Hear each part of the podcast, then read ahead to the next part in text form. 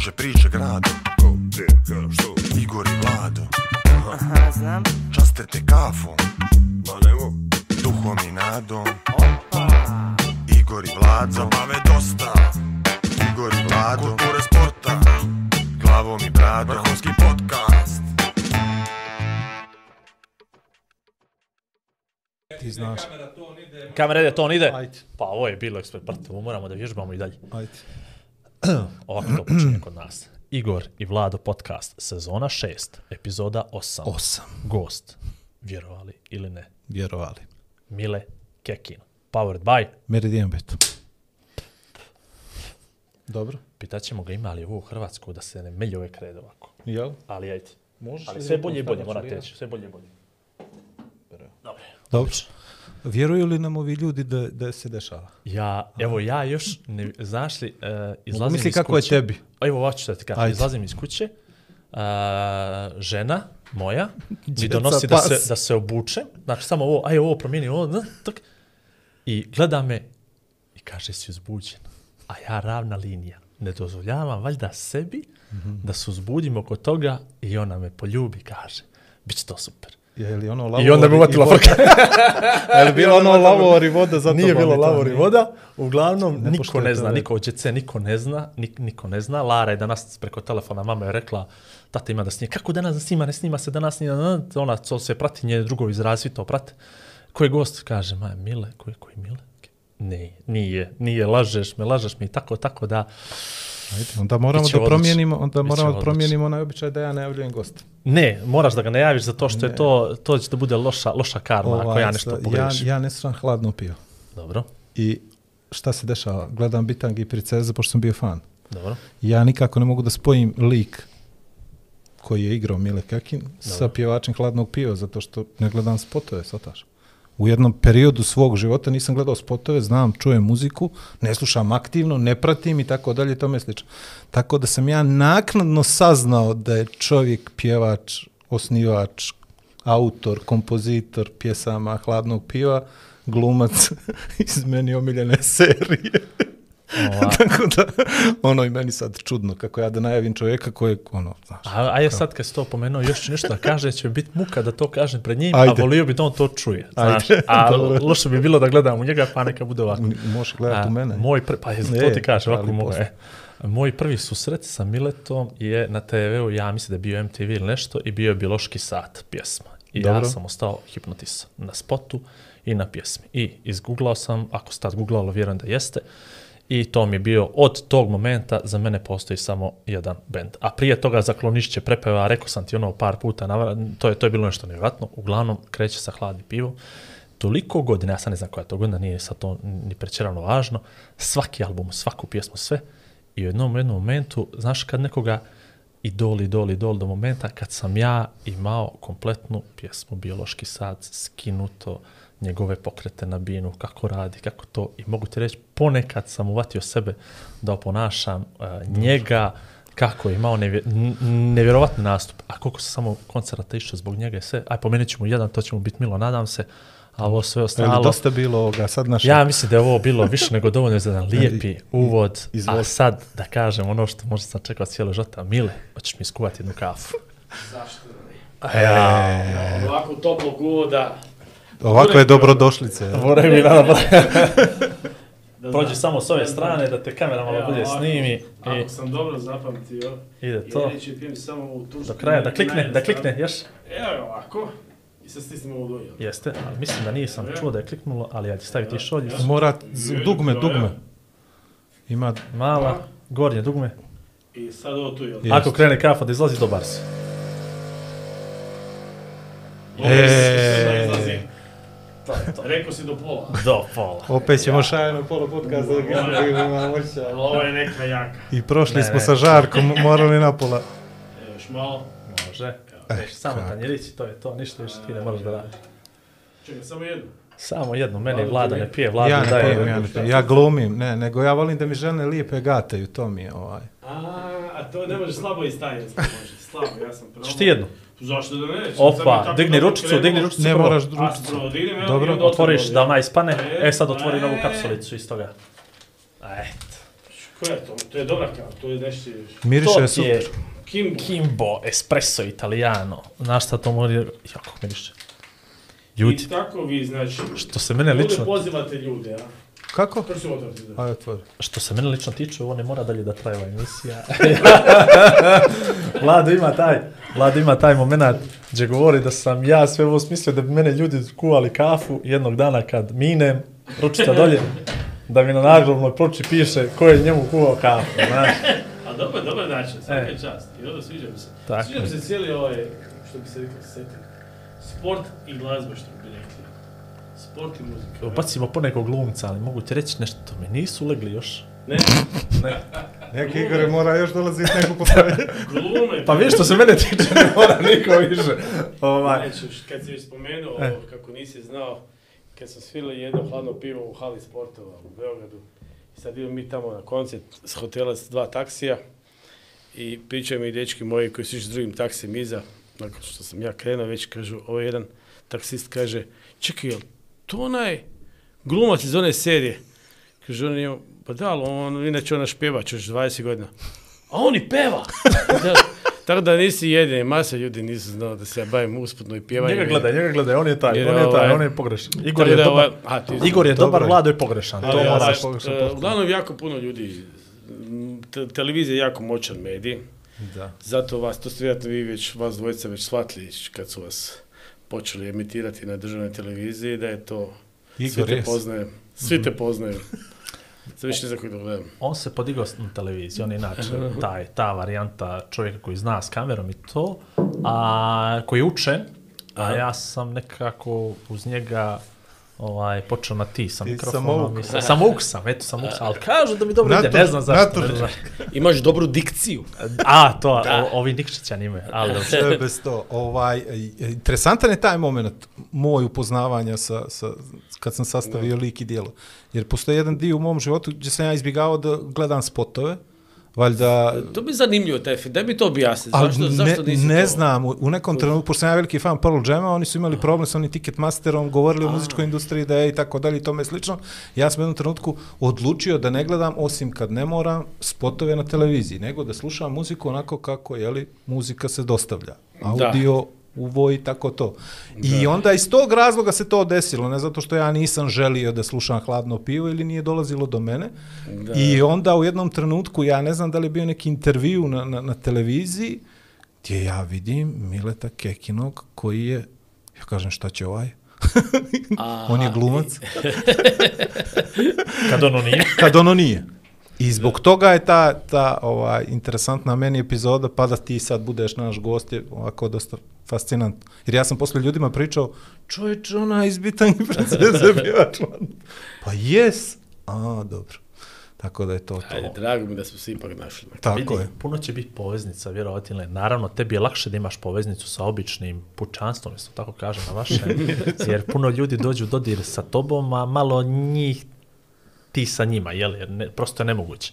Rekao sam u, auto autu da smo išli ovamo, rekao, stvarno mi je životna želja bilo da upoznam Mileta, mislim samo ono, nikad se neće to desiti, ni sliku zajedničku, ne sve, ja sam čak jednom transparente neke za koncerte, pa moje majici, pa skidao majicu, pa bacao, pa nije majica došla do njega, pa uzeo drugu, pa ja onako, znaš, kao kao, je bilo kao neka djevojka, majica, znaš, kao neka djevojka, da ne kažem djevojčica, jer to je malo grupi, tako je, koje ono nikako da se ispuni. I pa sad ono podcast, niđe, veze sa mnom i nekako se otvaraju, neke lijepe karte koje su, koje su nevjerovatne. I sad ću ja moju poveznicu jednu s njim, a onda imate vas dvica jednu za koju ne znate. A to sam čuvao za ovo. Ovaj, aj provaš. Ajde. Miladin Šobić. Dobro. Da.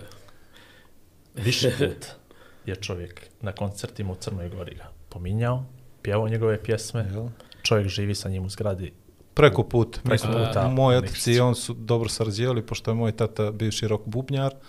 I onda je ovaj, ta poveznica moja sa muzikom, mlađi brat je bubnjar, isto jedino ja pojma nemam, ja, ali ja slušam strašno, ne možeš vjerovati kako dobro slušam muziku.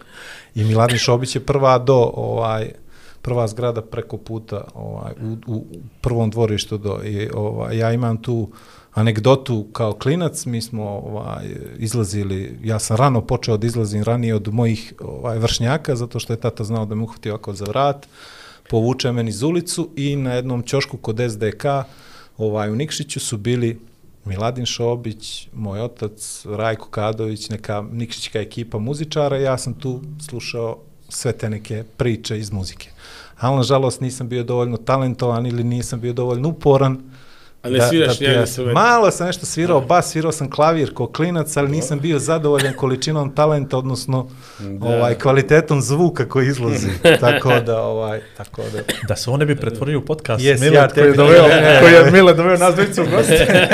Smijem li da ga pitam ono standardno e, ne, moje, kako je počeo? Ovo sad, ovo sad meni pitanje, lijepo pitanje malo i vas kad o tome. Ne, ne, ovo, ovo, ne, ovo, ovo misli da je najljepši dio njegov. Ali ovo ću da pitam, okle on, odnosno Šobić, Mile i Šobić, u, smislu, eto, to, to je bilo uvod. Jasno. Ja, sam, kao, kad sam došao u Jugoslaviju, imao sam tada, znači, sam krenuo sedmi razred u Tuzlu, u školu iz Njemačke države, kad sam doselio tu i onda sam prvo, naravno, morao slavati sva ta oba pisma, latinicu i čirilicu, i umeđu vremenu, dok je to trajalo, moj rođak koji je, ovaj, kod kog sam bio, je imao neko kod CD-a domaće muzike. Ja sam sad prvi put susreo sa rokom, popom na srpsko-hrvatskom jeziku i, i od tih 5-6 albuma, znači bila je Filigranski pločnici od Azre su bili, bilo je U ime naroda od Riblje Čorbe i Tom Zdravković, više ne znam koji,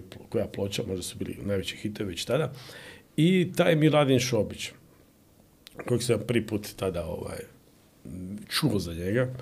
I to se meni jako svidjelo. Ovaj, to je bio onaj album uh, koji je John. Nakon toga, umjesto gluposti. Da, I mene je to oduševilo. Pogotovo na pjesma eh, Kad bi došla Marija. Kak sam ja tad već lagano ulazio u tu emotivnu teen fazu. Ovaj, to mi se jako, jako ovaj, svidjelo. I sad sve te njegove pjesme, naravno, Džemper za vinograd, sada ne nabrajam, Svetozara Markovića 39. Bajdere, zašto Svetozara Markovića 39? Ti to sigurno znaš. Ulica je Svetozara ulica Markovića 39. Znači, to je ono Fuada Mičića. To otprilike Fuada tako, Mičića, tako. šta Ja mislim da nije, da nije da. uopšte zato što se rimovalo, zato što je Šobić jedan od rijetkih koji je uveo bojler i frižider u pjesmu, a da ima potpuno smisao. Tako da, da. mislim da stvarno ima poveznica Svetozara Markovića 39, da nije sad nešto kao da se slaže, jel? Da, da. da, to, je, da, to se, mislim, to se osjeti pjesma, da je neka autentičnost i vidi se da je on, mislim, osim što je odličan tekstopisac, da je, da je vrstni muzikant, on stvarno vlada tim instrumentom, lijepo sam čuo posle toga. Meni žao što ga nisam evo, nikad vidio živo i čuo sam zbog priču tragičnu i tako dalje ali evo, ako ga sretneš, vidiš, recimo da ga jako, mislim, ako nije još čuo, vjerojatno je, da, ovaj, da stvarno poštujem i cijenim njegov rad. Jako je malo onih koji znaju napisati lijepu pjesmu koja će lijepo zvučati na kućnoj gitari samo, bez puno pompe i svega onog okolnog, produkcije i tako dalje. Mislim da, ja, ja inače sad i, i, i, osim što slušam naravno malo tvrđu muziku, volim i one koji znaju na vrlo jednostavan način. A to je za mene uvijek akučna gitara. Sve moje pjesme, sve pjesme Hladnog piva su nastale na akučnoj gitari. To je meni... A ide ti dobro s ovim. Ukrao, mi je pitanje kako su nastale do pjesme. Ali kad sretne Miladina Šovića, osim što će da ga pita za tebe, ima jednu poču ploču moju da, potpiše, potpišem, je već godina i po se Evo šesti podcast pričamo o tome. Okay, o tome da mi nije znači. obećanje ispunio za moj 40. rođendan, ali dobro ajde, ima Vlado moment kako da otvori sagovornika. Uh, uvijek nam je interesantno kako je sve počelo. Sad si pomenuo Njemačku, da. pa Tuzlu. E, ajmo tim momentima prvim, čega se prvo osjećaš? Prvo se sjećam džuboksa, moja majka pokojna i u jednom trenutku, nakon puno godina rada na pokretnoj traci u Njemačkoj, on, mi, smo, mi smo odrasli ja u Njemačkoj, moji staci su se tamo poznali i oženili, oni su bili radnici, radili su u tim metalnim firmama i u jednom trenutku, nakon dosta godina, moja majka odlučila krenuti sa ugostiteljstvom i otvorila je tu jednu kafanu u Njemačkoj, u jednom malom mjestu. I a odmah do toga su, je bio nekakav sportski centar za boks centar nekakav. Tako da su boksisti tamo, boksači dolazili tamo često na klopu i pivo. I, a Buraz i ja bi cijeli je provodili za jukeboxom, dao nam je ovo nekakav žetone, pa bi mi tamo puštali muziku. A to je bilo tamo ono vrijeme kad se u Njemačkoj pojavio noje Neue Deutsche Welle, se to zvalo novi njemački val, sa puno bendova koji su pjevali na svom maternjem njemačkom jeziku. Ovaj, I tad smo krenuli sva tim bedovima. Nena, najpoznatija, Nojno Neunzig Luftballons, tako, to znate, ovaj, i cijela ta scena. I tad se meni činilo to nešto s čim se ja volio baviti jednog dana. Međutim, tek kad sam došao u Tuzlu i to je bilo tamo, kad su nju primitivci bili na vrhuncu, zabavljeno pušenje, te, cijeli taj Sarajevska, ta škola rock'n'rolla, plus naravno, poslije, mislim, i Azra i Čorba i tako dalje. I ja sam počeo tako pisati ove svoje pjesme. E, I zapravo je to, kad gledam sad, ja sam poslije došao u Zagreb, na početku srednje škole, meni je umeđu vremenu otac umro, tako sam završio sam u toj kući, moji su se vratili u Njemačku, ja sam završio sam u toj kući, u srednjoj školi, sam u toj dosta prostranoj, ovaj, da kažem, to su tipične gastarbajterske kuće, bilo uglavnom bla, bla, bla, ja bi na večer prije spavanja pisao što mi se dogodilo, taj dan i onda to nekako sam shvatio da bi to puno jednostavnije pisati kroz stihove, tako iz tog dnevnika su nastale prve pjesme Hladnog piva. Mislim da je prva pjesma koju sam baš napisao, koja je poslije postala neka pjesma Hladnog piva, bila pjesma Čelične zavise eh, sa prvog albuma Džinovskog. Poslije toga, jedan dan je došao Zoki, naš gitarista, ovaj, kod mene sa jednom flašom crnog vina i mi smo skupa napisali, ja sam napisao pjesmu za, eh, tekst pjesmu Buba Švabe. To je poslije ovaj, bio prvi hit hladnog Nije, nije autobiografska. Nije, A iako je snimena u toj kući koju sam ja živio, spot je snimljen za, točno sjećam, za 100 maraka tadašnjih. za 100 maraka smo mi to ovaj, usnimili i ta pjesma postala hit. Pravi hit, ono, u smislu da su svi znali to. Što bi rekli danas, viralna. viralna je postala, da. Viralna. U trendingu. da, bila jako u trendingu, između ostalog zato što smo mi bili jako ovaj, motivirani da sami zovemo televiziju kad je puštali, oni su imali tu kao, čujemo glasove ovaj, publike, onda mogu se zvati na telefon i ovaj, za neku pjesmu, tako da smo mi mijenjali glasove. Ja, ja sam zovem Karlo, ja sam Karlo, zovem za hladno bio, ja sam Otio, zovem za hladno, tako da mi ono sate, zoveći njih, ovaj, da, da, da nam je, eto, baš slučajno pjesma, hladno pivo najbolja. tako da smo mi, kad malo bolje radili, krenuli iz čiste prevare. E, rano ste ukapirali da je marketing pola uspjeha. Ali, to se zove, bili smo trolovi, kako se zove, to, to, ili botovi, sami, botovi, sami se. Ali vidiš, ima tu jedna knjiga, ima tebi gore gerila marketing. Znaš, e, to je to. E, to, je, kasnije opisano, znaš, sve to što mi radimo, sve to ima ime i prezime. Gerila marketing. nismo svjesni toga. Da, pa to je gerila marketing. Bilo ono. je to, to je bilo početak svega i nakon toga smo, evo, to krenulo, tamo nekako, dobili smo onda te, tu nagradu, je Polina tog prvu, neku, prvi Polin od prije, ne znam kad, 94. godine. I nakon toga je sve nekako išlo svojim tokom. Imali smo uspone padove, ali zapravo je onda sve išlo lako. lako mi smo odmah na prvom, sa prvim albumom došli do svoje publike. I, mislim da to puno lakše nego bendovima koji jednak moraju čekati četiri, pet albuma da konečno se probije. Mi smo to dosta rano uspeli. Ja imam teoriju da se najteže pjeva ne, ovo njemačko. A moj stari kojeg sam pominjao rekao je da samo je mogla Nena da otpjeva nešto, a da bude slušljivo na njemačkom. Jesi li sebe nekad uhvatio da pjevaš? Na njemačkom? Da. Pa imam sada ono, na novom albumu koji sad treba izaći za mjesec, dva ću imati jedna pjesmu na njemačkom. Mislim, ja jako volim njemačku i poeziju i mislim da njemački, sad, što ti je, mm, Eh, malo stvar i uha i navike, naravno. Ja znam puno, recimo Rammstein ako hoćeš, tako je svjetski bend, na njemačkom, s tim da su oni to još popratili sa tim nekakvim eh, monolitnim zvukom koji ljudi povezuju, njemački jezik ljudi često povezuju sa naredbama, sa, sa oštrim, sa eh, nečim totalitarističkim i, i zbog... I zbog čudo je. pred istorije čudo. Ali, ali, ali znam, puno ovako, ljudi iz drugog žana koji znaju napisati da. njemački. Tako da mene njemački jest materni jezik, u to je jezik koji sam prvi naučio, pa samim tim će mi uvijek biti drag. Tako, ja sam i Falka rado slušao, čini da je da. to bilo. Da, koji taj jezik, da duše, on je to je na austrijski zanimljivo, on je to malo izokrenuo. Tako i, je, te, tako. I, I, malo je mekše, čini mi se. I neko, malo je mekše, izritmizirao ga jako. Mislim, općenito hip-hop je vrlo kreativan s jezikom i to mi se sviđa, recimo, kod tog žanra. Koliko god mi je ponekad monoton, jer, jer, ovaj, jer ponekad mi se hoće da zanemaruje e, melodiju, ali opet mi se sviđa što je tako kreativan s jezikom i, i uvijek me nekako i na to pametno i cilja, on uvijek gađa one prve e, e, dječje pjesmice, rim, rime i kroz, to te, kroz te neke jednostavne oblike rime, on te zapravo, često ono pred ono djetinstvo stanje, znači kad učiš na ono, prvo čića mića mić, peće biti biti, piće biti biti, biti. Tako mi goste isto vratimo ih prvo na te momente i onda je sve lakše. I onda sve lakše, da, da. Ovaj, e, pišeš pjesme od početka, De, dešavalo ti se, jel ti se dešava da moraš da napišeš pjesmu ili želiš da napišeš pjesmu koja baš nema veze s tobom, ali da promislim još malo ovo pitanje. Osjećaš da moraš da je napišeš. Tako je, bravo Vlad. Zato za to nas dvoje radimo, jer ovo ovaj jedan mi blokirao. Vi ste koliki stari braći par. Da, aj, da ličimo. da moj, ne moj. Pa mislim da je, da jedna od najljepših stvari kad pišeš, ili bilo što kad radiš kreativnoga, što ne moraš uvijek ići iz sebe. ono kad vidiš iz sebe da to ima neku uh, gratifikaciju ako to prođe kod drugih ljudi, recimo moja pjesma Renault 4, koji sam napravio prije nekog godina je bila potpuno, ja sam zapravo prepjevao svoj život u njoj, sve ti detalji stoje, to je stvarno bilo tako, ali opet recimo pjesme koji sam, ima i pjesme koje sam potpuno izmislio, jednostavno se možeš uživjeti u ulogu nekog drugog i, i, i na to isto privući ljude, recimo naj, Poznati primjer je Mlohava Čuna, koja je potpuno izmišljena.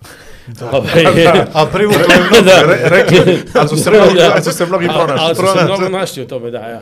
Ali ne znam, šamara, ako će tako, mislim da možeš ući u bilo koga, da. ovaj, i ako, evo, sam malo talenta i malo vremena provedenog za tim papirom, se može proizvesti nešto što se puno ljudi mogu, ako ne identifi, identificirati, onda barem prepoznat nekoga kog znaju koji bi se mogao naći kome odgovara ta pjesma. Tako da je, to, je, to je lijepo, ja to volim. Mislim, to, je, to je vrlo slično glumi. E, ti u svojim pjesmama možeš vrlo lijepo opjevat, kritizirati nekoga, a bez da odeš u ono onaj trenutak e, odozgo, ozgo, znaš, poučavanja, šta treba, da, šta ne treba, s jednom dozom ironije i distance, to se može lijepo napraviti. Da, da, tako da nisam ja u svim pjesmama, mnoge sam izmislio, i volim to, to volim ovaj, biti tako, eto, moćiš se uživjeti. I mnogi, koji recimo veliki autori koji ja cijenim, od Springsteena pa nadalje, su upravo to često rade. Uđeš u ulogu nekog čovjeka koji ima neki pošten posao ujutro ustaje, odi na poslu, vraća se kući i onda ima te i te probleme i tako dalje. Diary of a working man, što bi rekla gospoda iz Blackfoota. Da. Ovaj, e, meni interesuje ovo, koliko ste tražili, da ne bude da ja ne slušavam hladno pivo, mnogo sam ja mhm. čuo toga, koliko ste tražili vaš zvuk? Koliko vam je trebalo vremena da kažete da... se... Jako malo, zato što nismo znali svirat. Mi nikad nismo tražili zvuk. Mi, smo, mi smo krenuli kao hrpa klinaca koji bi sad htjeli imati band. Znači, onda, mo, mogućnosti, su ti, mogućnosti su ti jako ograničene. Znači, ja ne znam pjevat, ovaj tek hvata prve akorde. Dobro, znači, klasičan ovaj punk u starter, tako Bubnjar je prvi put na našem bendu sio ovaj, za bubanj, kada je krenuo svijet u hladnom pivu tako da teško je da onda možeš krenuti u nekakav free jazz ili neki heavy metal koji ipak zahtijeva sviračke neke umjeća. Znači, poslije prve probe vi ste ok, punk, to, je to. to, ne, to, nam mi smo skidali, smo mi, on, imali smo, ono, kao skidamo motorhede, skidamo, pa i do, mhm. domaće bendove, međutim, to uvijek malo zvuči onak... Drugačije. Malo drugačije, da. I iz te nekakve muke e, i to pamćenja tuđih tekstova, ko će pamtiti tuđe tekstove? Koliko toga ima? U, da, bravo. Da, ono sam kad bavim ja pisat svoje, ne moram tuđe i... I tako smo mi krenuli, od, od tog nekog tvrdog panka, jer nam znači, se točno kao i najjednostavnije, ali i najbolje za te jednostavne pjesme koje sam pisao. Mislim, te, taj Džinovski, te prvi album je jednostavne, može površna riječ, ali bilo su neposredne bile.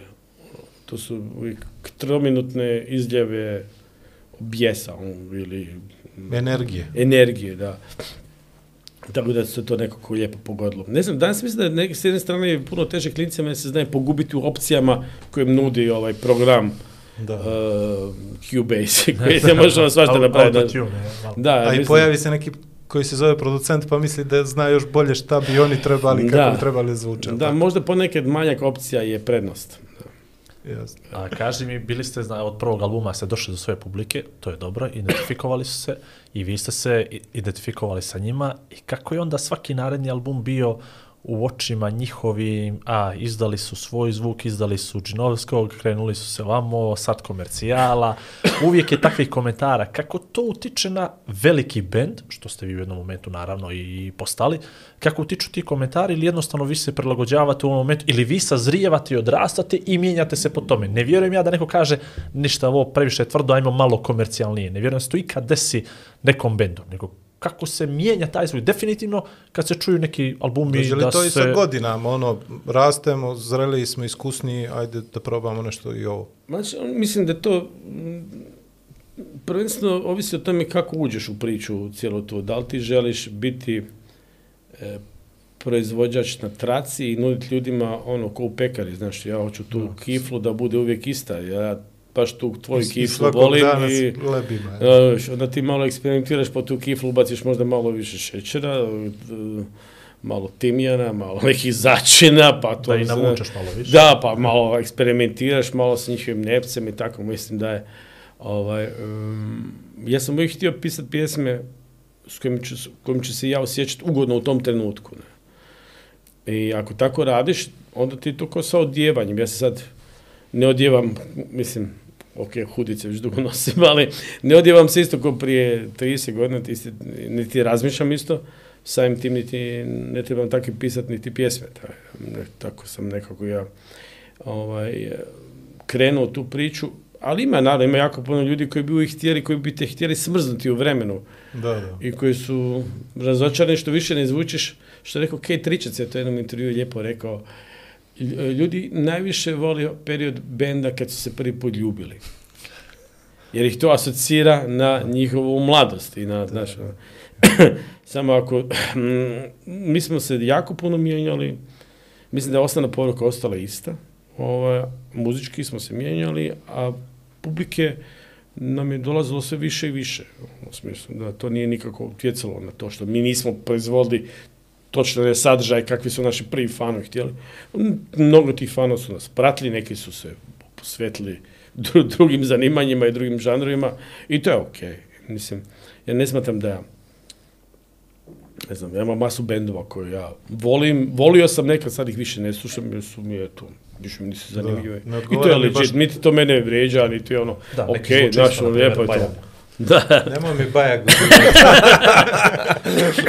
što, što više prolazi vremenu, kapiram da sve više volim Bajagu, pogotovo rane radove. Da, da, je, da, da. Ali, mislim, to, to je lijepo, kad neko je tako lijepo stari, kad shvatiš, kad to usporediš sa današnjom produkcijom, pa shvatiš, ma ono je bilo stvarno dobro napravljeno. Ali to, da. na primjer, što je interesantno, ja nisam fan te vrste muzike, ali ti nekakvi momenti, stara dobra vremena, pa onda da. ta neka prijateljstva koja su bila među ovaj, porodična, i onda kad se sjetiš ono, šta je bilo, jahači magle smo prošli da, put pjevali ovdje sa prethodnim gostom, tako da je to interesantan moment. Uh, ono što me interesuje, kad si shvatio da socijalne teme moraju da budu dio hladnog piva? Pa nije to došlo svijest, ja sam počeo pisati e, pjesme sa 16 godina, i mislim da mi je da prvi unos u taj dnevnik je bilo 87. godine, znači da sam 16 godina i naravno da je to vrijeme kad te počelo lagano zanimati što se događa oko tebe, jer mislim to su bila osim toga vrlo turbulentna vremena. To je bilo, ti si zapravo svjedočio raspadu te države koja se najavljivao, tad su već počeli pojaviti prvi znaci nacionalističkih strujanja, hoćeš tako, i znaš, ono, kad čuješ prvi put, ja sam Hrvat, ja sam Srbin, ja sam Znaš, sam, šta, mislim, ja sam odrastao, moji su, su, ja sam dijete iz miješanog braka i mi nama je to nikad nije bila neka tema i onda se to počelo lagano i onda se ti lagano počneš s tim sudara sa tim nekim društvenim pojama i iz toga ovaj, naravno da ti e,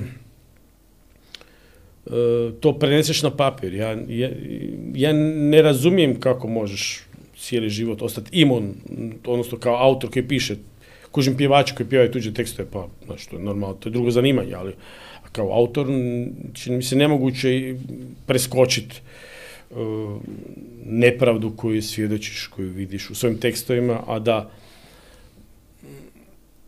a da smatraš sebe rockerom, punkerom ili bilo čim. Naravno da ćeš to komentirati. Tako da je to, to je došlo nenamjeno i ja sam uvijek volio albume koji su e, se doticali svih aspekata života. Od ljubavi, da. sretne, nesretne, pijanstva, politike, e, depresije, veselja. Znači, to su bili neke albumi koje sam ja slušao. Ovaj, tako sam i htio da bude svaki album hladno piva, koliko može. A koji su to albumi? Čisto pa do danas pa dosta ljudi. puno, mislim, mislim... Koji su to autori koji su, evo, pomenuo si Springsteena negdje, to da. mi je jako drago, zato što ga preskaču ljudi često i uporno, ne znam zbog čega. Da. Ovaj, vjerovatno ove mlađe generacije nisu ni svjesni koliko je The Boss bio bitan za muzičku industriju i koliko je još uvijek je relevantan. Da, tako od Cohena. Dobro. Koji od prekrasnih ljubavnih, pa The Partisans, ono, pa imaš Dilana, Imaš sve ono, se, mislim, jako, jako puno, pa malo pismo spomenuli Šobića, pa i on isto ima društvene kritike, ovaj, pa baš u tom poloveru svom starom džep, ovaj, za vinograd. Ovaj, da batali je, je, je, su kritizirao te koje hoće samo kola iz Japana, ne vide, tako dalje. Tako da mislim, i to je ono um, što je meni dio pop muzike, popularne muzike. Da, je, pa, nismo, ne bavimo se klasikom, mi moramo, eh, ne ja ne radim muziku za sva vremena. Radim muziku za ovaj trenutak u kojem sad živimo, pa ako nešto ostane od toga za sva vremena, niko sretniji od mene, ali ja mm, sad na novom albumu na kojem radim ću komentirati godinu 2021, 2022, 2023, koje, koje su, kojem su, periodu u kojem su te pjesme nastale. Ljudi će se prepoznati te situacije i to mi je, nekako bih htio jednog dana kad više me ne bude, kad više ne budem pisao pjesme, da kad ljudi naredaju tih 11 albuma koji sam potpisao kao autor, da znaju iz kojeg je perioda što je. To mi nekako da, znaš, da neko ko, ko nekako povezani, povezani film životne. Ovaj, e, ostaće? Pa bit ću. ja, već, znam da će neke dostanu. Iako nisam ta ovo die hard fan kao što je, što je Igor. Ali ovo mi interesuje, koji su to muzički uticaj? Rekao si da je to pet, Tuzla i tako dalje. A šta su tvoji kući slušali? Jer, sad pominješ autore koji su legendarni, poput Dilana, Koena, teško tu možeš da nađeš neku mrtvu tačku da kaže čovjek, e, nikad čuo, nisam. moji, moji su roditelji, moj otac pokojni, on je dosta rano umri, ja sam 13 godina, oni volio pjevušiti, on je volio, on je slavonac, bio i volio je neke te tamburaške, volio je kiču slabinca, tu i tamo neki narodnjak i znao je pjevušiti. Moja majka, ona iz okolice Tuzle, ovaj, ona nikad nije pjevušila ni jednu pjesmu. Ja sam pokušavao godinama, eto kako sam ja tako pisao te svoje pjesmice, pa mama pa, pa šta kažeš da ovu pjesmicu? Ja osio, a jako lijepo sine, jako lijepo, jako lijepo sine. Međutim, ja, e, ja sam osjetio naprosto ona, do nje muzika nikad nije došla. Jedan je čula od Bareta onu pjesmu um, zmajke, hajde da se drogiramo, nek, se oči sjaje, hajde da se drogiramo, to je ono najbolje. I vele mene moja mater, u, ovo je baš lijepa pjesma. Jednak, od svih tih mojih prekrasnih pjesama, ona, i tako da sam ja u jednom trenutku ovaj, odustao od toga. I jedno što je nju zanimalo je, Mile, kaj ćeš, Milane, mi, Mišo me zvala, Mišo, kaj ćeš ti napisati pjesmu s mojim imenom da se hvalim time kolegicama s posla? to je stvarno rekla. E, da, to je rekla da sam, ona bi se tako voljela pohvaliti svim kolegicama s posla. I onda sam ja krenuo iz toga pisati, ovaj, pitala si me, Ovaj, zašto tvoje ime nikad, ne provlačim kroz rime, zašto ih nikad ne ukrasim metaforama krasnim, pa da se tim hvališ kolegicama s posla, da. E, Ali je, da, i to je, evo, i to je zapravo, eto, jedna pjesma gdje se... To je, ali vidiš, ta pjesma klika na mlađu publiku nevjerovatno. Uh, vjeruj, puno sam koncerata bio njihovih i ono kao neko sad i već stariji, jel moguće da ja pjevam ovio kod mene ne, ili su na telefon ili to, ali kad krenu prema i pitala si me odjedno. Da. Svi. Pa svi. Dobro je. i sad kad je povežeš sad sa ima, tim, sad, tek mogu da mislim njega na bini koji stoji gore i koji krene i svi pođu u teški delirium, a pjesma je, mm. mislim znao sam da je pjesma to, ali nisam znao da je naručena pjesma. Pa da, indirektno je naručena. Da, naručena, to, to nisam znao. Mislim sam da je došla tek tako, ali to je nevjerojatno. ima tu priču za sebe, a ima i jednu drugu priču koju isto spomenjemo, to je, ako ćemo sad dalje, ima, o, jedan sam došao kod svog izdavača bivšega koji je jedan relativno novi CD jedne grupe koju sad neću spomenuti ime, ovaj, stavljao ovaj, kao dva radnika su otpakiravali te CD-eve i pločicu su bacali u smeć, a ovo su čuvali sa strane, ove, oko, koje kutije, ne? Aha, plastične. Da. Ja pitam, što, što, to radite? Ma i zašto je to prije par mjeseci, to niko ne kupio, slabo ide, pa barem ovo da sačuvamo ovaj, kutije. Kutije plastične e, više vrijedi e, od, od onog što su momci radili mjesecima. I to je dobar CD bio, što, što, ali nekako je naletao na loše kritike i nekako su ih pokopali svi. ja sam ne gledao, čekaj, kutija više vrijedi od svih tih sati, truda, E, I zato taj ništa nije sveto, sve bruto i neto. neto sve, od tog sve drugog, I onda sam, eto, to, to nekako uspio spojiti u neku smislenu sredinu. Ali, da, to je bila druga nekakva nit vodlja u toj pjesmi. Tako da to je za pjesmu, pjesma kombinacija dvije, dvije, dvaju ideja, dvije ideje.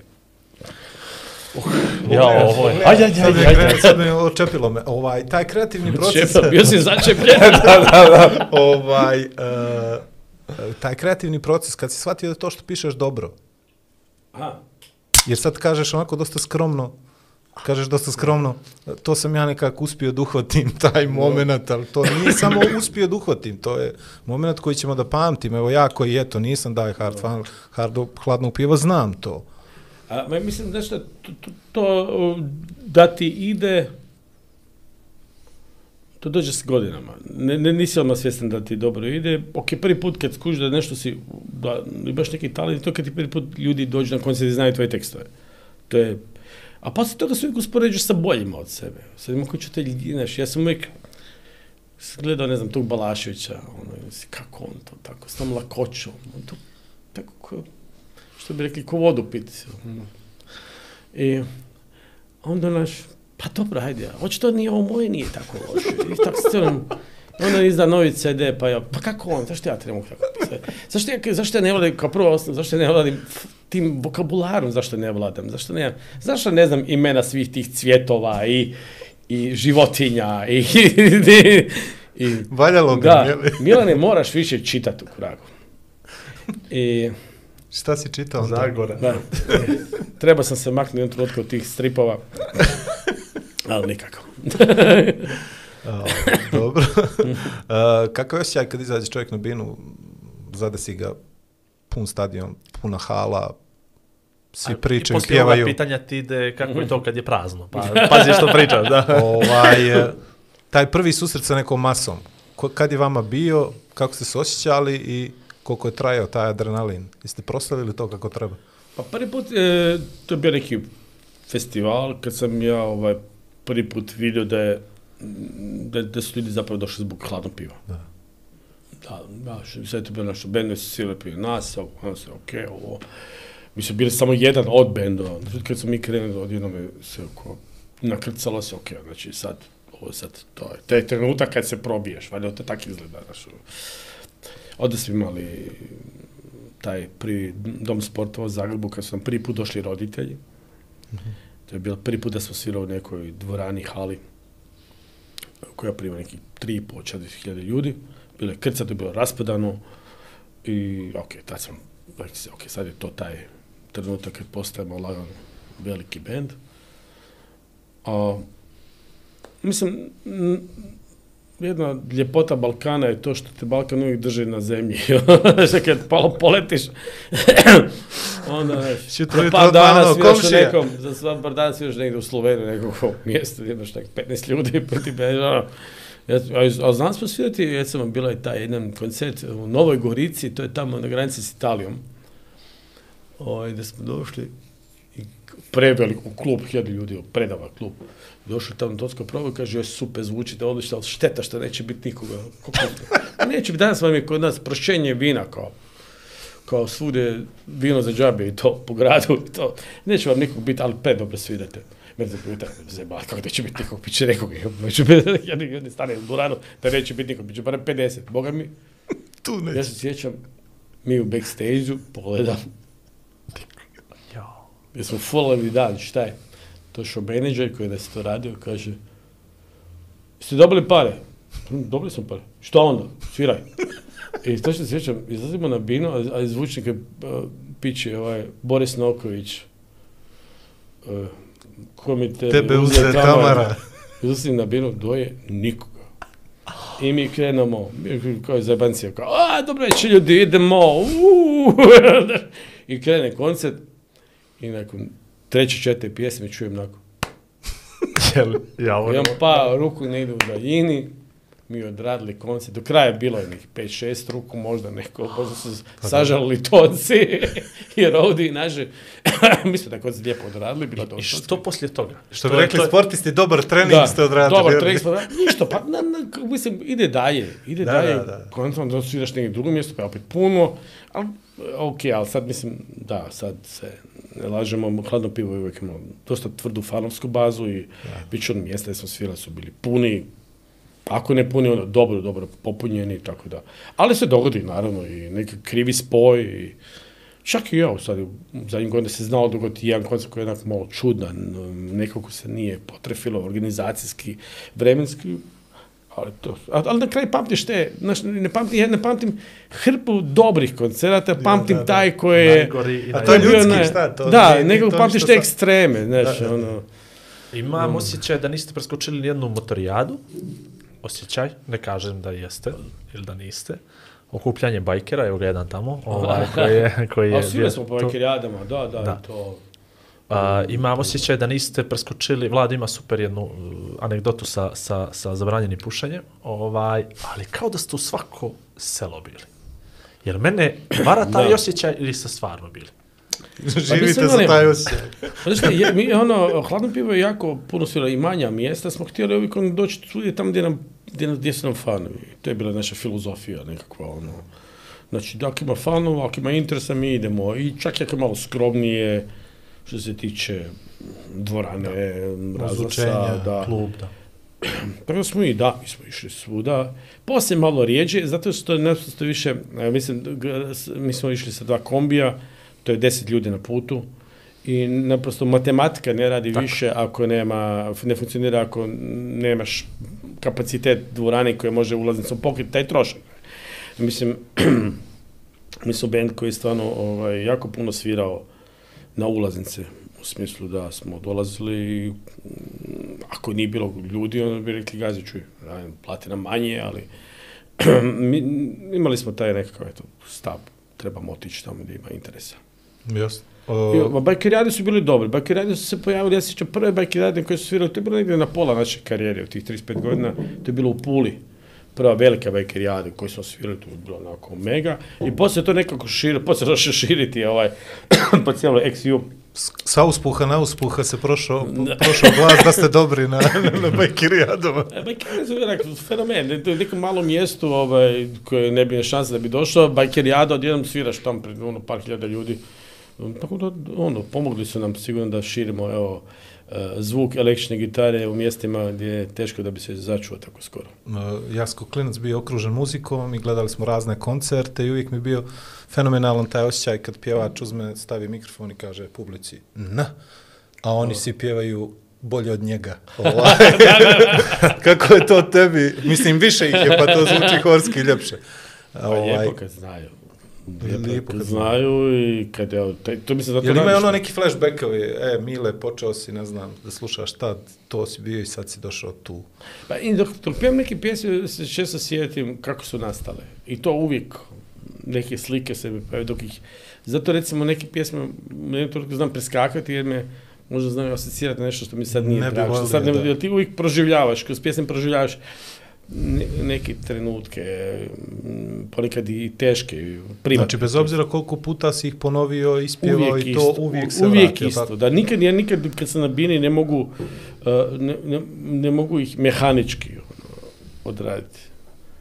Ovaj, uvijek proživljavaš to. Mislim, ja nisam neki pjevač, pa jako, je jako bitno da dok pjevam pjesmu, da budem autentičan. U trenutku, to je ono mislim da je dobrim pjevačima je puno lakše jer mogu svojim da, pokriti ovaj, autentičnost. Ja ne mogu, ja moram biti autentičan i vjerojatno u tom trenutku te pjesme. Zato jako rijetko pjevam tuđe pjesme. Pišem, pišem svoje tekste jer mi je najlakše se uživiti u svoje, u svoje Ali dobro, e, publika prepozna tu iskrenost. I onda vjerovatno ta energija zato funkcionišete toliko godina. Zdravo, Čolić je dovoljno da se sfenira. I kaput, i šeta na vinu, pjeva i to je to. A Mile, boga mi malo da se zgrči, da se spusti malo. Pa dobro, ima i to, ima i to svojih. Ima, ovaj, jedno i drugo ima svojih plusova i minusa, ali ja, sam prvenstveno kantautor, ono, pišem te pjesme koji izvodim onda uživo i onda ja nadam se da ljudi s time e, mogu se identificirati. I to je, to je zapravo snaga mm, rock'n'rolla kojim se ja bavim. Tako je. Dobar je rock'n'roll. Pa. Nije, nije vam loše. ovaj, niste loše birali. Kad se desio ovaj glumački moment, e, ne, da li bi se desio glumački moment da nije si bio Mile iz hladnog piva? E, teško, zato što sam ja te tek krenuo zapravo iz sporta. Ja, opet smo se vratili Ja sam godinama igram, igrao sam e, mali nogomet nedeljom, jednom tjedno i onda sam tamo ovaj, igrao, imali smo stalni termin i ekipi je bio taj mladi jedan režiser koji je shvatio da ja dosta dobro znam glumiti da sam fauliran u protičkom šestnestercu. Neymar za siromašne. da, se, da se uvjerljivo valjam ovaj, u protičkom šestnestercu. E, je rekao, mi smo tad, van, trebali snimiti spot za pjesmu Roštilj. Sunce piće mi roštiljama. I ovaj, i on mi je rekao, ja ću, ja ću to vama napraviti. I tako je, to krenuo. Posle radio spotove za Bački, Zagreb, ja, Politika, ovaj, koji je posle dobio masu nagrada. Ti spotove su dobili jako dobre recenzije. Ovaj, I on je rekao, kao, evo, ja ću vam napraviti spot. I nakon toga, nekog godina nakon toga, on me zvao za tu pilot epizodu jedne serije. I tu moram priznati da sam bio potpuno u krivu. Ja kad sam to pročitao taj scenarij, ja sam mislio da će to biti nekav zagrebački fenomen, u smislu, zbog previše slenga je tu bilo, sve te neko lokalizam, kajkanje, da. lokalizam, ovo mislim, to će biti neki eto, serija koji će se prikazivati u Zagrebu i okolici možda malo. I tu sam totalno fulao. Ono, Na kraju je to postalo ono balkanske mučke, barem sad koliko vidim, sad kad pogledam iza sebe, užasno je popularna. I dan danas se repezira ovaj, da sam za svaku reprizu dobio po 1 euro, sad bi bio bogat čovjek. Sad malo 4 euro. Imao bi. Za, za, pun tank benzina. Ovaj, uglavnom, da, to se dosta nekako sada uvriježila ta serija kod ljudi. Da. A, kako je meni ovo sve čudno. znači, ovo je, e, ja puno gejma igram igrice, i onda ima onaj moment kada ono gledaš sebe iz 3D perspektive. E, tako imam sad neki osjećaj da je nešto iza mene izašlo i ovako ovo se posmatraš, ne dozvoljava da vjeruje. I zapravo od momenta od kad smo mi počeli da dogovaramo ovaj razgovor do maltene juče, ovo nije bilo 100% potvrđeno. Ja nisam htio sebe da opterećujem time i sad proželjavam onih stotinu pitanja koje bi ja tebe nekad pitao i sad mi je jedno palo na pamet onako iz neba. A, o, prvo je pitanje, imate li vi na početku koncerta, odnosno jeste li imali na početku koncerta, znate, ok, ovo nam je playlista, onda mi se povlačimo, onda izlazimo ponovo na bis, ili jednostavno bis se nekad desi. Prvo me to interesuje. Imate li scenariju? Mi smo, uvijek imali dogovorni prvi 3-4 pjesme. Ovaj, i tak i sad isto, i to mi nekako... I posle toga volim malo da ima ovaj, praz, da ima prostora za skrent lijevo-desno u smislu. Hladno pivo, mislim, ja sam, imam sad nekih 120 pjesama za sebe i mogu, ne moram stalno pijati jedno te isto. Jako je važno da mi ne bude dosadno na pijenju. A kada je sve uhodano, ono, ja ne volim ovaj na koncerte kad ljudi kažu je bilo je ko na CD-u. On svira, zvuči li ko na CD-u, ko na CD-u, bilo je ko na CD-u, onda ne, doma i slušali. Sjedi da. Tako da uvijek volim malo i, i momke iznenaditi koji sviraju sa mnom i sebe iznenaditi. I ponekad to ide tako daleko da iznenadim sebe tako da ne znam tekst. Nisam mi za to pijati. Jednostavno, ljudi traže neko preuporano, ono, ajde, dobro, ajde, znaš, ono, e, e pa onda najavim neku pesmu koju sam potpuno zaboravio kako ide. Ovaj, I to mi je lijepo. Ja jedno sam bio sam, imao sam tu privilegiju biti na koncertu Tom Vejca, koji ja jako volim i ono, cijenim kao autore. On mi je jedan od top 3. I on je svirao u Amsterdamu i nakon usred pjesme zaustavio bend.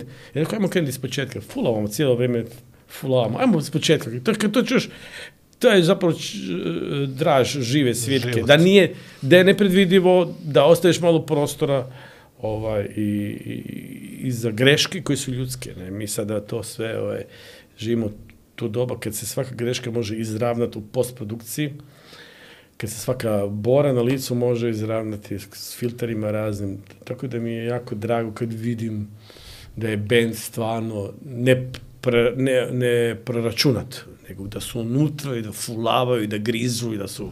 To mi je, to mi zato volimo ovaj muziku. Tako. I sad dolazimo do pitanja. Ovaj, pa dobro, ovo me interesuje. Uh, kraj vaše koncerta je kad čuješ kud idiote i kad ja. sunce opet zađe. Kako, zašto i zbog čega? Ovaj, pa, mislim sa uh, koncerti, sa kudi, da kudi idete smo prvi put upoznali u kudu Franca Prešerna u Ljubljani smo svirali skupa. Mi smo bili kao predgrupa, oni su nam bili Bend koji je vjerojatno uz Ramonce ovaj, najviše utjecao na, ne samo na muziku, nego na, na, to svjetonazor. Ovaj, su bili, oni su bili ono, zdrava ljevica i kad je to bilo u Hrvatskoj bilo uh, eh, teško. Ono, bili su ljudi, ono, imali su svoje principe, nije, znači ne radi se samo o muzici, nego i ono što se krije iza toga. Tako da su nas imponirali i posle kad smo ih upoznali su stvarno su, osim što su sjajan band i krasni ljudi i tako je to krenulo prijateljstvo, jednom je ovaj, jedan detalj zanimljiv jednom jednom su idioti svirali u Zagrebu i nešto je bilo, nisam imao gdje spavati pa su bili kod mene kako sam ja živio sam u toj kući, velikoj na rubu grada. I, dan prije toga je meni bilo pukla cijev za vodu ovaj, iz van kuće koja vodi do kanalizacije, tamo do spoja na cesti. I Boga oni su meni pomogli, ovaj, skupa smo kopali tu rupu 5-6 sati, tu viri iz rupe, to što tad nije bilo telefona, da je, da onu lopatu, pa tamo skupa lopatali kod mene, ovaj, e, e, znaš, bili su baš i ljudi i, evo, to je ono, jedno, jedno lijepo prijateljstvo koje, nažalost, eto, ono što se dogodilo, sada ne nabrajam, ali ovaj, bili smo, evo, ideološki dva vrlo ono, slična benda, eto. I onda pjesma ta, odlučeno je kako što da s njom završi. Pa kad, se, kad je tu sto umro, ona je, onda su to rekao ko... Mislim, kao... da, učilo nam se kao neku lijepa odjeva koja ima neka ovaj, i optimističan ovaj, da. zvuk i a znam ovaj, da Iron Maiden završaju Always look on the bright side of life, tako je onako potpuna kontra ono što oni rade ovo je nekakva lijepa, lijepa ljudi znaju onda. Znači, onda više ne zovu na bis, onda znaju je gotovo. To je to, to, je bilo moje pitanje. To svira, onda se više ne vraća. Tako, ispoštovanje, to bi se rekao. Ovaj, e, rekao si jednom momentu, nekad je bilo lakše, nekad teže živjeti u Hrvatskoj. I ovdje kad neko dođe sa strane, pitam, pogotovo ako je neko iz Evropske unije, pitam je li vam lakše, je li vam ljepše, šta vam je donijela Evropska unija, jer mi se stalno nešto fatamo za, za, za taj voz. Kako ti osjećaš sad tvoju zemlju a, mislim, prvo i naravno da Europska unija nije spas, nećete sve Nije spas za sve nas, niti, niti to neko magično rješenje koje će sad našao. Bilo je korupcije, došla je EU, unija, više nema korupcije. Svi mi odjednom smo ono... Nemoguće, nije se to pa, desilo. Pa, neće promijeniti ljude, ali ovaj, je, gle, a da je Hrvatska još manje korumpirana država, mi bi izvukli više novaca od tih evropskih fondova i međutim evropski fondovi to je evropljani imaju tu neugodnu naviku da baš traže svaki papir, svaki dokaz da se stvarno ulože što onda zatvara prostor za razne rođake i prijatelje ovaj da oni zarade na tome. Neki koji su pokušavali, vjerujem ne sve u, iz hrvatske politike, HDZ-ovaca su završili iza rešetaka jer su se previše zaigrali sa tim evropskim fondovima misleći da tu nema provjere ali to znači od stotina miliona nečega, to su nezamislive brojke. Ovaj, tako da, da, mislim da je to u svakom slučaju dobro, da našoj djeci otvara prostor da još lakše studiraju, da u te nekakve lijepe strane ono, iskoriste. Meni sad, evo, od nove godine više ne moramo pokazivati ništa kad idemo u Sloveniju, znači možemo bilo gdje putova da me niko ne pita dokument u Europi, to mi je lijepo, ja to volim. Mislim, nama muzičarima pogotovo, nema, nema, nema Atakarnete, ja sad mislim, to je što... Atakarnete. haubica ili Da, malo, malo porazgovaraš onda s ljudima, e, taš, gdje se ide, a? Podgorica, a, skačete malo kod nas u Hercegovini, fali malo roka ovdje, rekao, da, fali roka, bit će roka. Znači, možda Samo pečat ođe, ne zaboravi na bijeli papir. Da, e. da. A zelen, li plavi kod e, mene ili zeleni kod ne, pa tebe? je, to je, to je, to je, to je najveći problem. Znači, ja gledam, ko, vodimo tu neobavezno časkamo, a sjedim oko okom gleda da, će vratiti pravi, zauzeti pravi, sad izlazim, ja znaš, ja ulazim na jednu, ja ulazim u jednu, sa jednog graničnog prelaza izlazi na drugi, ako me zajebe, dopusti. Da mi pogrešan, ja ću tamo morati odmah još ja na drugom kraju Crne Gore, da nisam ja, nego, da tako da... A najveći ovaj. problem bio što nema roka u Hercegovini. da, da, ali ne, ne, bili smo mi svirali, hladno pio i tamo, ali... Znam, To su te, ovaj, sad, samo da, da, da vodiš taj tu treba znati, znači vodiš neobavezni small talk, a istovremeno mu, do, puštaš, puštaš mu dovoljno memorija u, u, na hard disku da ne fula, ne, ne može. Moraš da imaš onaj robokap viziju da provjeriš svaku informaciju koja je trenutno. E, da, da malo razgovaraš tako s ljudima. Nije to ni uvijek tako problematično ako su neki normalni, dragi ljudi. Ono. Okay, Većinom se jako ljubazni, ja moram za, evo ovim putom se carinike koji nas gleda na području XU, ovaj, ja moram reći da nisam imao nikad neki pretjerano negativni. Možete pozdraviš ovaj. i vi u Srbiju isto što idete. I u Srbiju, da, pogotovo ovaj, sutra idemo. ovaj, za sad nisam imao nikakvih eh, negativnih um, iskustava, tako da, super. Jasno. Uh, nekako fast forward je ova emisija takva, malo ne, ne možemo baš kako smo mi htjeli mislili možda ću da pogriješim jedan dan, 30.10.2022. ili 31.10.2022. Hum. A, da, zadnji koncert hladno pivo, da. Da. Sedam dana prije toga sam bio tamo i bilo mi je, pošto sam bio kolima, bilo mi je stvarno nemoguće da ponovo se vozim skroz iz Podgorice do, do Huma. Iskreno morao sam googlan koji Hum. Prvo je bio Hum kao Hum i onda sam ukapirao da ima puno humova i onda nekim nemam pojma, rakijada, je li tako yeah. bilo? E, onda da. sam rakijad googlao, pa sam došao do Huma, našao sam koliko je previše sati, jer tamo ja mislim ponedjeljak sam bio u, Crnu Goru nazad i baš je bilo onako pre nemoguće da se, da se odvozi. Žao mi je bilo, ali kako je to izgledalo? Izgledalo jako pijano, kao što svaka rakijada vjerojatno je, pogotovo istarske koje imaju jako dobre rakije. Ovaj, mi smo to dogovorili već puno ranije i bilo nam je nekako zgodno ako prestajemo sad sa zajedničkim radom da to bude neko mjesto koje ima neku simboliku, a Hum je po Guinnessovoj knjizi najmanji grad na svijetu.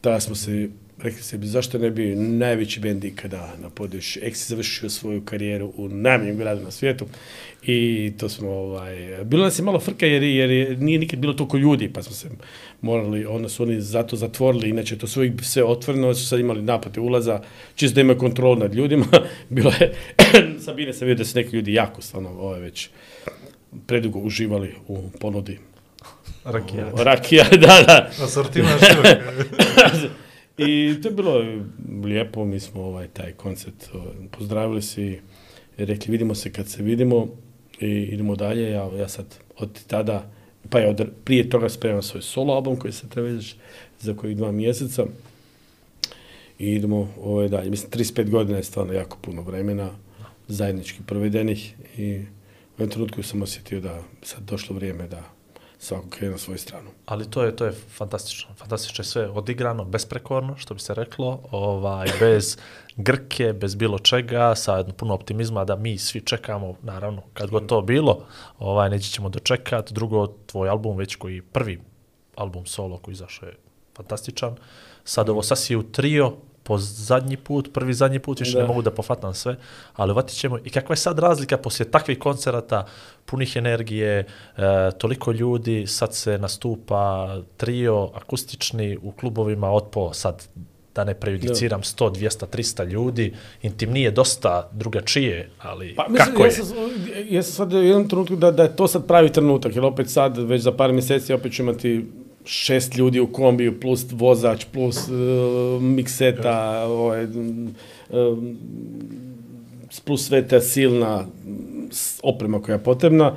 I ovo je sad super trenutak, evo, mi smo sad u devet dana ćemo imati sedam koncerata, e, Podgorica je prvi grad u toj turneji, prije toga smo isto već imali nekih desetak, prije što je izađe album. No, drugačije, to mi je baš drago, jer ti puno više hladno pivo i, a imali solo koncerti prije toga su uvijek su gdje imaš gomilu energije uvijek u zraku i ti ne stigneš uvijek najavu napraviti kako treba, jer ljudi hoće daje, daj mi sad nešto, nemoj mi, sad si mi digo, daj mi sad ono, šamare me sa hitovima sljedećih dva sata, a ovo mi je drago jer nekako cijelo vrijeme ti možeš više kontrolirati te silne decibele, možeš najaviti. Ljudi se nasmiju kad im nešto čuju te uvijek, to je recimo, na velikim razlasima vrlo često ne jer previše je ljudi. E, I možeš neku pjesmu objasniti kao, kao što sad, sad da, ova je... vjerovatno storytelling varijanta možda ti bude interesantna da, u ovakvim pa situacijama. Pa nije, da. Mislim, nisam ja, nisam ja izmislio toplu vodu time, mislim, ja sam bio jedno, baš, na Bruce Springsteenu, ovaj, isto koji je imao solo gitaru i sa, one svire klavir, gitaru i sve. To je bilo lijepo jer čovjek ti objasni kako je neka pjesma nastala. I to ljudi isto žele čuti. Mislim da je u vrijeme koje, koje je sve tako artificijalno, eh, ljudi žele taj osjećaj da je to stvarno čovjek napravio. Topla ljudska priča. Topla ljudska priča. To uvijek pale ljudi. Ne? Od ovih, ovih raznih magazina koje tako vole te drame. ove tako da ovo, mislim da je to o, ovaj, jedna drugi format. A opet kažem sad da spremam veliki, spremam album, spremam opet veliki bend u smislu više članova, tako da će to biti opet rock and roll. E, meni interesuje ova varijanta koju ste pominjali malo prije vezano za 35 godina bilo čega jer opet ću se vratiti na oca koji je probao više bendova i nikad nisu mogla se nađu četvorica koja isto misle. Da. Kako opstaje to, a pogotovo je to možda dobar savjet za ovu neku mlađu publiku ili za ljude uopšte, ovaj, kako se opstaje 35 godina pa mislim, nama je jako pomoglo, e, mislim da je uspjeh ljepilo, dosta dobro ljepilo. Da. Nama se to ljepilo odmah dogodilo na prvom albumu, smo postali ovaj, a onda sam, mislim da um, smo dosta rano podijelili uloge, ko šta radi. Na mene je zapao taj kreativni dio u smislu pisanja, tekstova i tu se više, tu se dečki više nisu miješali od prvog albuma. Bilo je tu i tamo neko napiše nešto, ali zapravo sam ja, ja sam ono tu imao tu. Pa onda na kraju i to bilo i muzički, ja sam napisao znači muziku i tekstove za te albume. E, jedan se bavio sa mm, financijama, ugovorima, drugi sa PR-om, sa ovim. Tako da smo se, eto, tako smo se zgodno podijelili, imali smo zajednički probe, ja znači donesem pjesmu na probi, bla, njima na gitari, onda napravimo skupa taj aranžman nekakav i to je tako išlo dosta dugo godina. znači, mislim da je ključ u tome da se, naravno da postoje povjerenje, to je ključ. Da. Ja, ono, bez povjerenja nema... Svaki odnos. Da, svaki odnos. Sad, ja razmišljam da će me bubnjar prevari za, za, za 100 eura, jer to je automatski ono, piši propalo.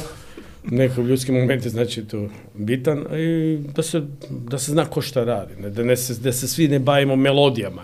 Ako se bavimo onda Znaš, nije baš, nije dobro. Krene i sute, iako da gađa. Ko, se, ko, ko se sad bavi društvenim mrežama?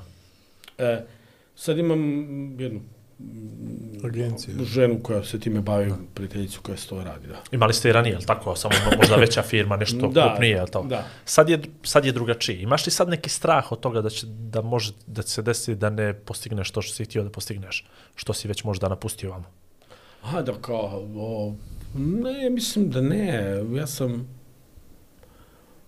mislim, mene sad uvijek, ja kad napravimo ovaj, uh, kada napravim novi album, kao što sad je gotov, te pjesme su gotove, sad mi to malo još dotjerujemo i to će se uskoro izaći, uvijek se pitam da li sam napravio sve da to bude maksimalno dobro. Ili jako, ja jako sporo radim. Ja sam zadnji album izao 2018, to je već prošlo pet godina. Ono, ja sam zapravo, ne, 2017, 2017 izašao single, 2018 izašao album, da. Znači, pet godina je prošlo. Tako da e, ja nisam jako produktivan.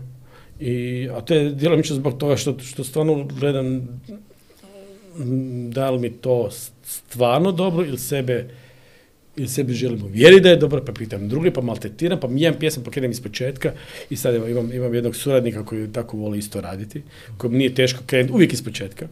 I on se zove Mark Marakovčić i on će već isto svirati sa mnom dana, i, i Danko Krznarić, da, da spomenem imena tog, e, e, tog svog trija. Ovaj, Danko je napravio taj Renault 4 aranžman, recimo, znači dva vrlo talentirana muzičara. I onda mi je, uh, gađam to da ja mogu reći da sam napravio sve. A sad što će ljudi reći, e, kad izađe, na to ne mogu utjecati. Znači, može da se prokomentariše i to da, s obzirom da ti izbacuješ album jednom u pet godina, da se od tantijema lijepo živi. Pa, e, e, da, ali živoli se bolje da izbacim šešće. Jer, baš, baš to je zapravo pogrešan primjer, zato što te, teme ti bolje idu što ti pjesma novije ono. je svježa. ja bi, e, to je zapravo više dokaz tome da ja jako puno nastupam. Aha, Puno nastupam, jer ja, meni su zato koncerti izvori. Zamisli, da, zamisli da dođeš do nivoa da nastupaš samo za novu godinu, neće. Ono, samo za doček, Mile, samo doček radi i 365 dana Ja sam mogu to zamislio. Ja mislim da je okej okay da ljudi, recimo, koji imaju preko 60-70 godina, da više ne žele nastupati kao ko ja 50-60 puta godišnje, nego žele imati samo pet koncerta godišnje koji će dobro naplatiti. I to je meni legit što se kaže, da. apsolutno. Željeli ih se ljudi i to je to. Pa da, ja mislim, ja meni još ja, i dalje me fura taj ovaj, da. osjećaj putovanje, publike, novi grad, novo mjesto, novi ljudi. Ovo, ovaj, jedno dana kako, kako se zasitim, definitivno neću forsirati. E, A, ajde da iskoristim iz ovo ćemo da propuštimo. Life on road, to mi interesuje, taj život na, na, na putu. To ne, krajnje Znači, Kako to? da, gdje se tu stvori neka sinergija dodatna između vas, pa onda jedva čekate da dođete, što bi rekao Cane, Kraljevo, Valjevo, sve jedno. A da, sad, ovo, sad ove tri varijante sasvim drugačije, jer ima nas manje, da, pa interakcija je drugačija, naravno kad ima puno ljudi, onda to eh, drugi, druga da je, malo... Da tijesno u kolima Da, kombi, pa duga putovanja, opet, i to ima svoje čari, ja volim. Ovaj. S tim se to malo promijenilo, znaš, sad, sad, sad ti možeš, dok si u kombiju, gledat filmove, da. slušat muziku, svaku svoju muziku, i to ne mogu reći, to je dovelo, nekog, dovelo do neke alijenacije, ono, ljudi do nekog otuđenja su se, u svom nekom sadržaju ali um, opet, novi grad, znači izađeš neke svoje rutine, sitkom se većinom petkom i subotom 90% njih, ono, znači, ajde, četvrta, petak, subota, ponekad nedjelja, tako da se onda opet vratiš u svoj nekakav film. taj povratak zna poneke traumatične traumatičan, ti dođeš onako svinut, ono, u nedjelju predvečer i onda u nedjelju moraš funkcionirati u nekakvom obiteljskom životu, ovaj, ali ne, to je jedan lijep posao. Ja stvarno, evo, moram se, moram, znam da se ljudi vole često žaliti. Ja mogu, mislim da imam najbolji posao na svijetu. Radim ono što volim, ljudi vole to što ja radim, očito imam ovaj, dovoljno fanova da mogu sjesti tako i potegnem 700-800 km, da ljudi sa mnom pjevaju moje pjesme i ne vidim, ovaj, stvarno ne vidim neke tu velike prostora za, za patnju i bol. Znači, nemaš straha od e, novog projekta u smislu, hoćeš li, a ovo stvari pitanje, hoćeš li targetovat novu publiku ili nekako mo, hoćeš da se privoliš i ovoj staroj hladno pivo publici? Samo hrane majke 40 plus, to je moja target grupa. GG 3 plus majke. to, to sam čuo jednog e, radio, kao, čovjek koji radi, radi. Kako mi puštate tu muziku? Kako je to? Ono, bez veze, privatni razgovor dosta popularna stanica, kaže meni, samohrane majke 40 plus, pa oni imaju to je redovno istraživanje, znaš, da, ono, da, da, pa da, grupe, da. Da, cijene grupe, da. Ovaj, ne, pa mislim da ovaj album koji spremam će biti uh, iznenađenje u odnosu na moj prošli solo album koji je bio dosta intimistički i dosta moj, mojim životopisom. Ovaj će biti puno otrovniji, glasniji, um, optimističniji, žešći, ako hoćeš tako. Znači ide jedno s drugim, je li? Otrovni, glasniji, optimistični, može. Da, sve, ima neka, ima album s koji se dobro trči, ovaj, ja to sam mhm. još isprobao, tako da, mislim da će lijepo odzvoniti. A sad, naravno, možda će neko reći, to je meni to sad ovog ili ovog, ali sam se Mislim da sam, evo, na pragu da napravim jedan lijepi album što se tiče live nastupa, da će dobro zazvučati i eto, jedva čekam. E, meni ostaje, pomenuo si obiteljski život, ja često kažem roditeljstvo je najteža profesija, kako to ide? Roditeljstvo je samo najteža profesija. Ovaj, to moram reći, i, ali eto, to valjda sve. A pa mislim da je brak težak, mislim, koji traje, no, zahtjeva masu kompromisa, razumijevanja, ovo, ono i svega to, ali na kraju krajeva, kad zbrojim minuse i pluse, uvijek sam tu Evo plus dobro uplosu, da. Dobro. U Lijepom da. Jasno. A, ajde Ne, htio sam, ne, sad skače, sad smo, sad smo na brza pitanja, brza odgovora, znaš, ali, ali dobro je, dobro je, sve okej, okay. još smo na vrijeme i jako trišće, sve ne brini, ništa garantujem, garantujem za tebe. A... Sad ćemo kono, za posljedice nuspera početi. Imali smo to za podcast prošli.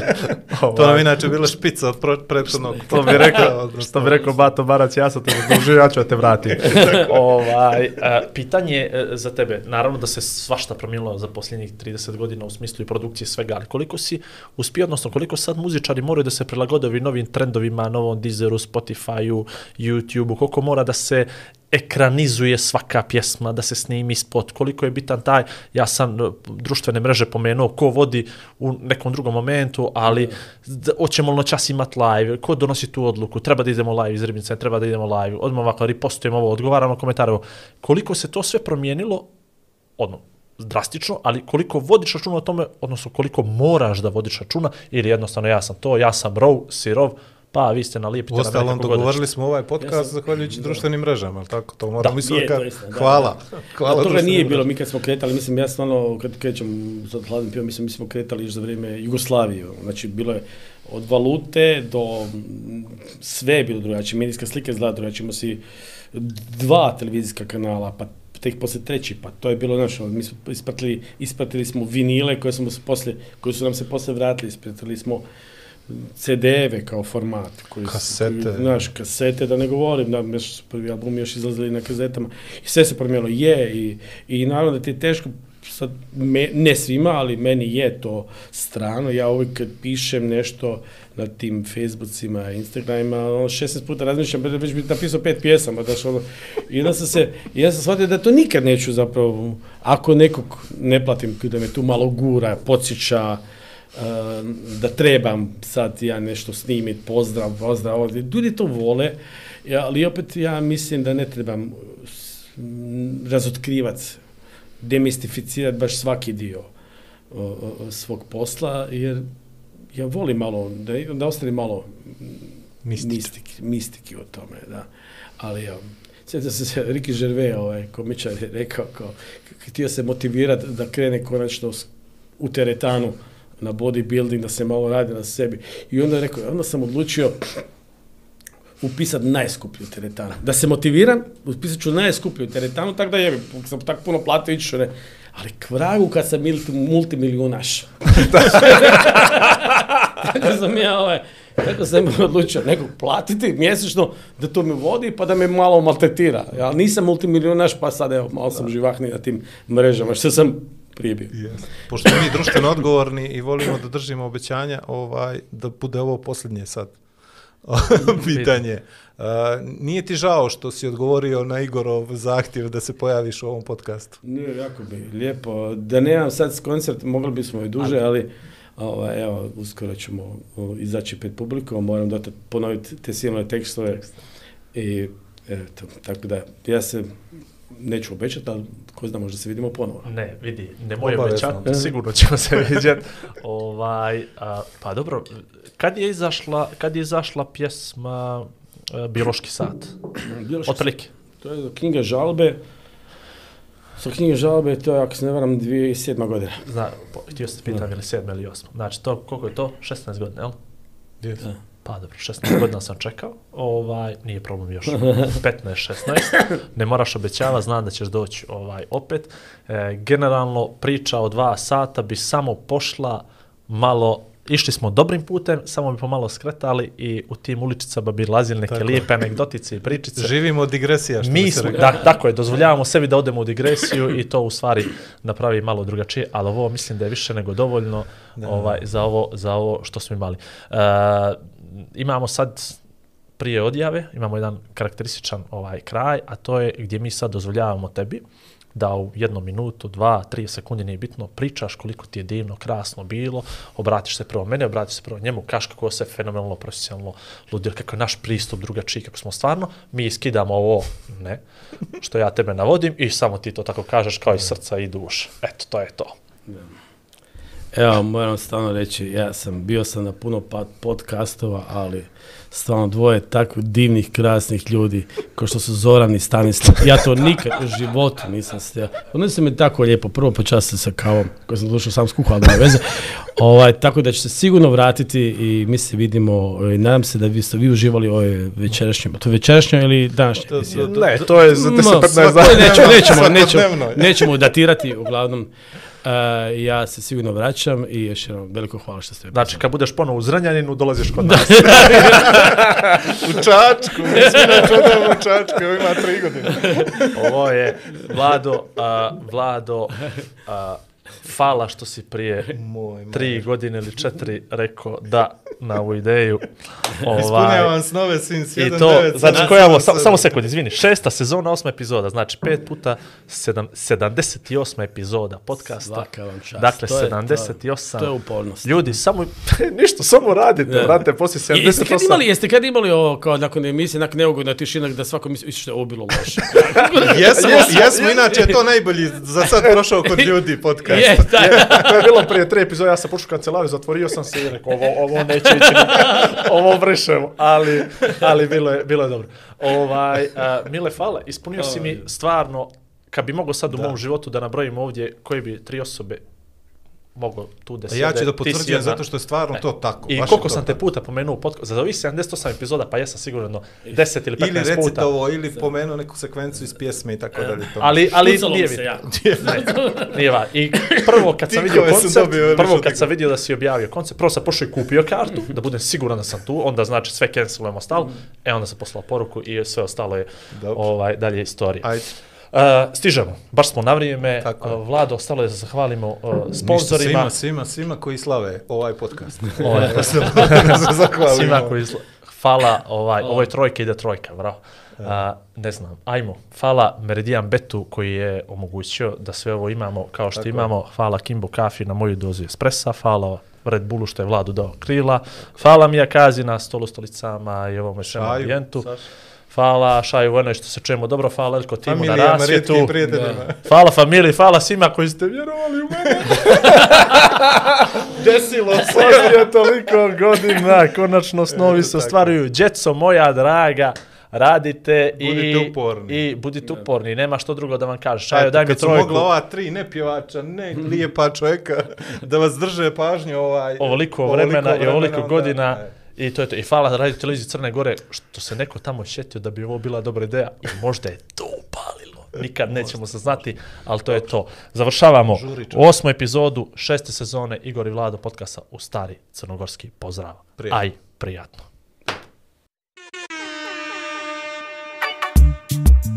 Kruže priče grado, Igor i Vlado. znam. Časte te kafom. Ma nemo. Duhom i nadom. Igor i Vlad zabave dosta Igor i Vlad kulture sporta Glavom i bradom Vrhovski podcast